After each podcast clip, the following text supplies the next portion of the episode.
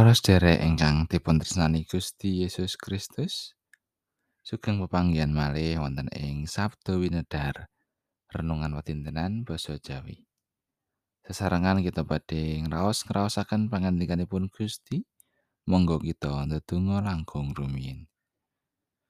Gusti Allah Rama kawula kasuwargan. Matur nuwun Gusti awet sakathahing berkah paduka ing gesang kawula. Sakmenika Duh Gusti manah kawula sampun sumadyo badhe nampi sabda paduka. Mugi Roh Suci paring pepadang ing manah kawula. Satemah kawula kasagetaken mangertosi menapa ingkang paduka kersakaken tumrap kawula. Kawula ngrumaosi Duh Gusti minangka titah ingkang sekeng. Tasih kathah dosa kekirangan kawula ing ngarsa paduka. Mugi paduka kersa paring pangaksami. Wonten ing asmanipun Gusti Yesus Kristus kawula ndedonga. Amin. Wawasan kapendet saking Yeremia bab tigang dosa setunggal ayat pitu ngantos sekawan welas. Amarga mangkene pangandikane Sang Yewah. Padha surak-suraka tumrap Yakub kelawan Sukarena. Bunga-bungao ing bab panggedhening para bangsa. Wartakno memuji lan kandhakno. Sang Yewah wis mitulungi umate, yaiku kekarene Israel. La ingsun bakal ngirit para wong iku saka ing tanah lor lan bakal ngumpulake wong-wong iku saka ing poncoting bumi. Panunggalane ana kang picak lan lumpuh, ana wonge wadon kang lagi ngandhek. Bareng karo kumpulane wong kang lairake anak. Baline mrene dadi pasamuan kang gedhe. Tekane wong-wong iku kambi nangis. Ingsun bakal nganti wong-wong iku kelawan paring panglibur. Ingsun bakal ngirit lakune menyang ing kali-kali liwat ing dalan kang rata. Ana ing kono ora bakal padha kesandung. Amarga ingsun wis dadi ramane Israel. Dene Efraim iku putrane ingsun pembayun. Hei para bangsa, padha rungokno pangandikane Sang Yewah. Iku undangno ing tanah-tanah pesisir kang adoh. Kandakno panjenengane kang wis mbuyarake Israel karsa ngempalake maneh lan rumeksa kaya pangon marang pepantaning wedhuse. Amarga Sang Yewah wis ngluwari Yakub, wis nebus saka ing tangane wong kang luwih rasa. Mulane bakal padha teka karo surak-surak ana ing tenggere Sion.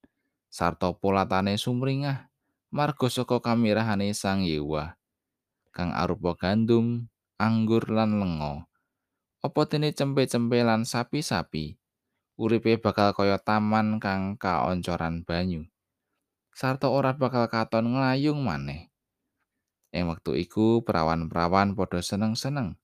Jejogetan asukarena. Wong anom lan wong tua bakal padha sumyak-sumyak. Ingsun bakal nyantuni rudatine dadi kabungahan nglipur lan bungahake wong-wong iku. Sawise padha nandang prihatin. Ingsun bakal mareki nyawane para imam kalawan kaluberan. Umat ingsun bakal sun wareki kalawan kamirahan ingsun. Mangkono pangandikane sang yewah makatan pangandikanipun Gusti ayat na saking ayat songo tekane wong-wong iku kambi nangis. Ingsun bakal nganti wong-wong iku kelawan paring panglibur tiang saged nangis awit saking bingahipun utawi awit saking sedihipun. Bingah saged damel tiang nangis menapa malih sedih?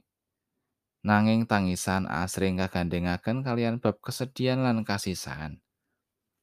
Wawasan kita kawiwitan dening pawartos kabingan padha surak-surak oh pawartos kabingan awit Sang Yewah paring pitulungan dhateng umatipun. Bangsa ingkang sumebar ing pundi-pundi papan badhe kairit wangsul dhateng tanah prasetyan dados kegelitaning pasamuan ingkang ageng. Bangsa Israel menika ing tanah monco temtu boten ngraosaken bingah. Awit gesang ing wewengkoning bangsa sanes. Malah ing ngamanca menika wonten ingkang nandang sesakit utawi cacat. Lumpuh lan wuta. Wonten ingkang nembe ngandhek lan nembe kemawon nglairaken. sedaya wau badhe kekempalaken lan mudik sesarangan. Nanging dumadakan ayat songo nelakaken bilih bangsa wau nembe dateng sinambi nangis. Lho, kok nangis? Sanes panangising kapingan utawi kasisahan, nanging panangising pamratobat. Bangsa menika kedah mratobat saderengipun bidal mudik. Pamratobatipun dadosaken renaning penggalihipun Sang Yewah. Panjenenganipun badhe paring panglipur Panjenenganipun badhe ngirit lampahipun umat dhateng lepen-lepen lan nglangkungi margi ingkang radin temah boten badhe kesandung. Cekaipun bangsa Israel badhe wilujeng dumugi tanahipun malih lan badhe ngalami kabingahan. Saben tiyang temtu kepengin gesang kebak ing kabingahan. Menawi wonten panangis, menika awujud panangising kabingahan. Ananging panangising kabingan menika kedah dipunwiwiti kanthi panangising pamratobat awit kalepatan lan dosa kita. Pamratobat nuwuhaken kabingan awit dados renaning penggalihipun Gusti Allah. Panjenenganipun ingkang nuntun kita ing sauruting gesang kita. Temah wilujeng dumugi ing papan ingkang sampun kacawisaken kangge kita. Inggih papan kalanggengan. Amin.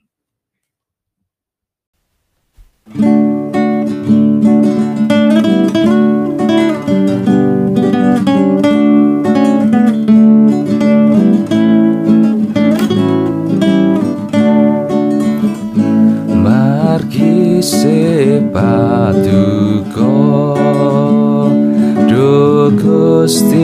pamarto Tiang dosa kaluaran saking paukuman.